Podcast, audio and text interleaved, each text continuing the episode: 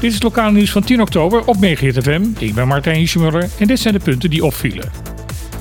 Als je naar de cijfers kijkt, lijkt de toeristenindustrie Bonaire de coronacrisis volledig overwonnen te hebben. Uit de gegevens van Tourism Corporation Bonaire blijkt dat in september weer meer bezoekers het eiland hebben aangedaan dan dezelfde maand in 2019. Wat toerisme betreft wordt 2019 door TCB gezien als een referentiepunt.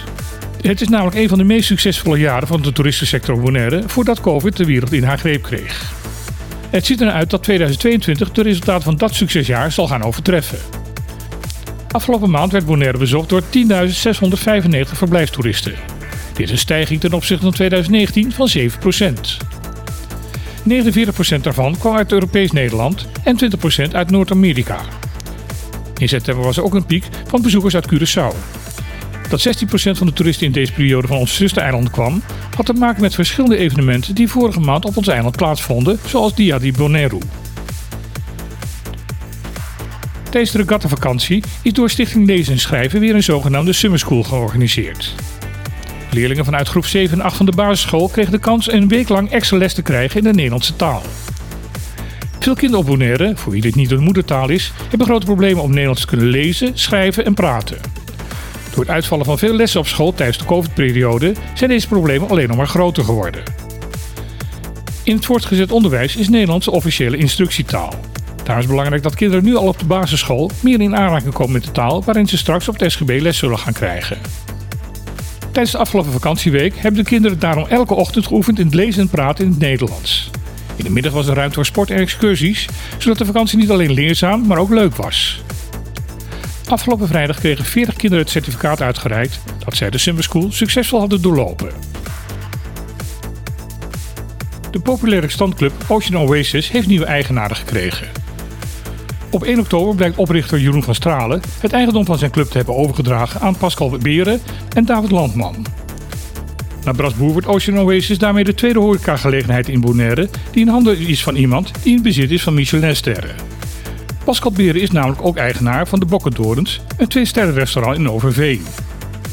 Ook de mede-eigenaar David Landman is geen onbekende in de Nederlandse horecawereld. Er is afgesproken dat hij de dagelijkse leiding van Ocean Oasis op zich zal gaan nemen. De heren kennen elkaar vanuit hun studietijd op de Hogere Hotelschool in Den Haag. Daar hebben ze afgesproken ooit ergens samen iets te gaan beginnen. Dat ergens is nu Bonaire geworden. Landman en Beren zeggen dat ze het huidige concept van de beachclub als uitgangspunt zullen gaan nemen. Daarnaast willen ze zoveel mogelijk gebruik maken van lokaal personeel en lokale producten. Caribisch Nederland moet wat wetgeving betreft gezien worden als buitenland en niet als onderdeel van Europees Nederland. Dat is het oordeel van de Belastingkamer van de Hoge Raad in haar vonnis op 7 oktober. De Hoge Raad stelt in haar vonnis dat wanneer in wet en regelgeving gesproken wordt over Nederland, dit uitsluitend van toepassing is op het Europese deel van Nederland. De Raad deed haar vonnis in een cassatiezaak die was aangespannen door een op Bonaire geboren vrouw van 69 die sinds 2018 in Europees Nederland woont. Haar aanvraag voor een ouderdomspensioen in Nederland in het kader van de Algemene Ouderdomswet werd afgewezen omdat ze daarvoor te kort in Nederland heeft gewoond. Haar verweer dat sinds 1010 Bonaire onderdeel is van Nederland en dat ze daarom wel recht heeft op AOW, is nu door de Hoge Raad verworpen.